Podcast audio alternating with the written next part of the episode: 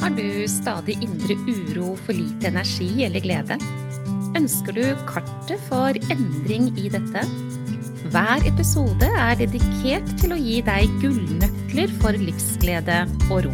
Du får strategier og innspill som hjelper deg fra nedstemt til oppstemt og fra uro til ro. Vil du ha en gratis oppskrift for å lage deg gode dager? Gå til www.gayabalanse.no for din herlige morgenrutine.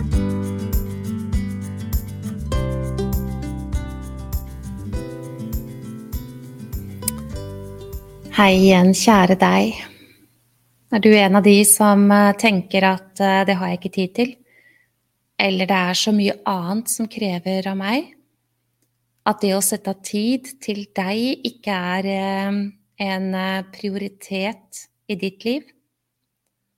Kanskje du er en av de som tenker at det er egoistisk å sette av tid til seg selv? Kanskje du er en av de som er vant til å være til stede for alle andre. Kanskje du er en av de som hele tiden bare prioriterer tiden din til alt som ikke egentlig kan eh, gagne deg. Kanskje du ikke engang er klar over at det er sånn. Tid til deg kommer du aldri til å få. Tid til deg, det er noe du må være villig til å velge. tid til deg, tid til det å gi påfyll til det beste for deg, tid til det å ta pusten på alvor, tid til det å ta årsaken til stressaktivitet på alvor og jobbe med det, kommer du aldri til å få. Hvis det er ukjent for deg med grensesetting, hvis du er eh, best i klassen på å tråkke over deg selv, sette alle andre først, bruke disse unnskyldningene, som er eh, veldig nærliggende for oss, eh, mange av oss i hvert fall, så er du nødt til å begynne å prioritere på en annen måte. Vet du, ubalanse kommer ikke ut av det blå. Det skjer ikke. Når du får smerter, når du får betennelser, når du får diverse symptomer, når du får fravær av glede, når du får angst, når du får vanskeligheter med å konsentrere deg, når søvnen din er forstyrret og gleden er på ville veier Den har du ikke sett siden juleuka i et annet årstall. Så er det kroppen din som forteller deg at du er nødt til å ta nye valg. Og nødvendigheten for å sørge for balanse i alt av hva du består av, ligger faktisk i å gi minst like mye til deg selv som du gir til andre. Det er altså en nødvendighet. Veldig mange sier til meg, du Monica, vet du, jeg skjønner at det du byr på gjør forskjell, men jeg har ikke tid. Det er så mye annet nå, ja, du vet, barna, vet du, og aktiviteter, og foreldrene mine begynner å bli gamle, og venninner har det vanskelig, osv. Ja, men det er bare én ting du kanskje har glemt. Og det er at både barna dine og foreldrene dine og venner, hvem det nå er, ønsker at du skal kunne holde deg på bena og ha det best mulig. De som er glad i deg, de vil faktisk det beste for deg. Men de kan ikke gjøre jobben for deg. Den er det du som må være villig til å ta. Jeg vet ikke om du kan kjenne deg igjen i at uh, mennesker kan være ganske så reaktive innimellom. Dette med å bli bråsint og irritert og frustrert og sånn. Kanskje du kjenner deg igjen i det selv også. Det er også et symptom på ubalanse. Jeg har selv en ganske kraftfull erfaring i forhold til å være på vei til å bli alvorlig syk av stress. Det er noen år siden nå hvor jeg stadig hadde dårligere med tålmodighet. Og da også i forhold til de menneskene som jeg ville gjøre alt for her i verden, mine egne barn. Når jeg oppdaget at jeg responderte på en måte som ikke var bra for barnet, det vil si med sint stemme og nesten litt sånn irritert for noe barnet kom med, som det ikke var noe grunn for å reagere på den måten. Når jeg oppdaget det, da ble jeg redd. Da begynte jeg å tenke at nå mister jeg kontrollen.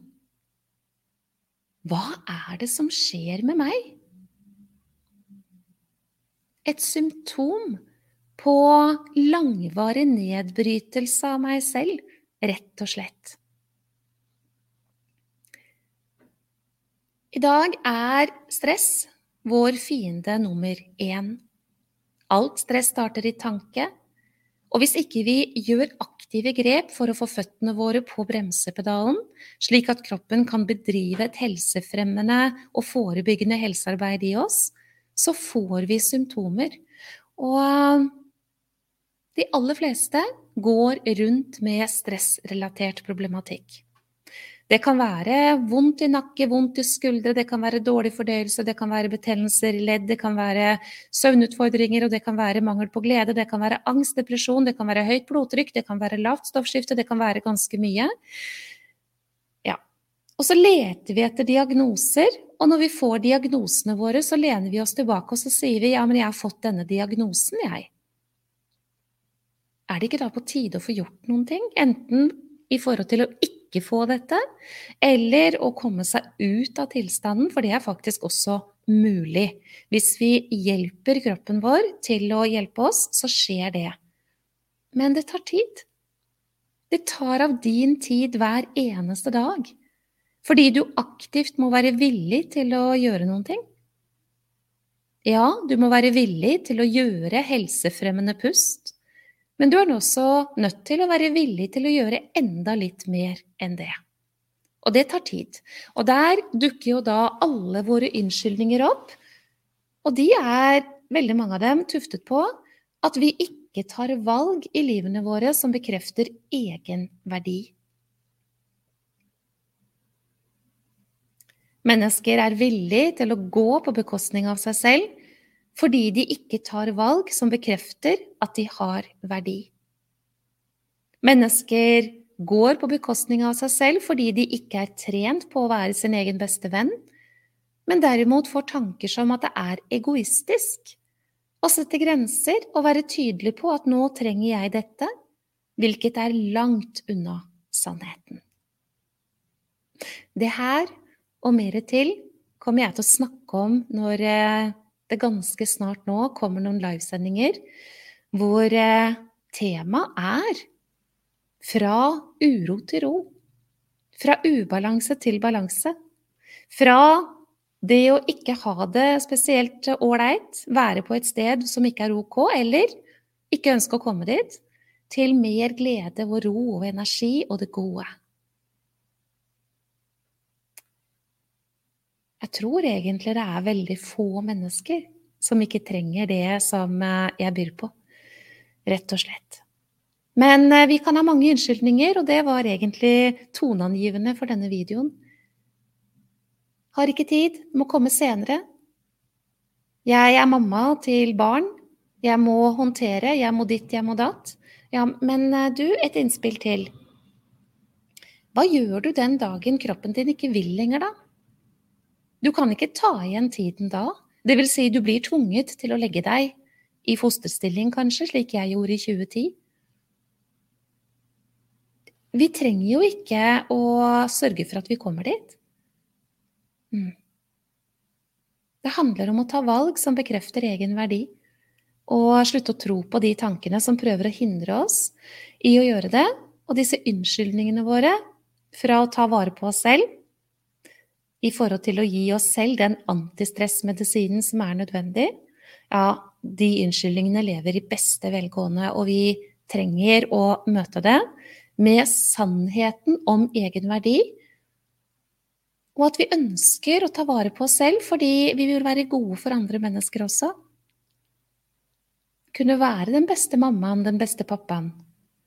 Kunne være den som hjelper til men ikke på bekostning av seg selv, fordi det fungerer veldig dårlig. Jeg håper du henger med meg videre nå, virkelig. Ha det.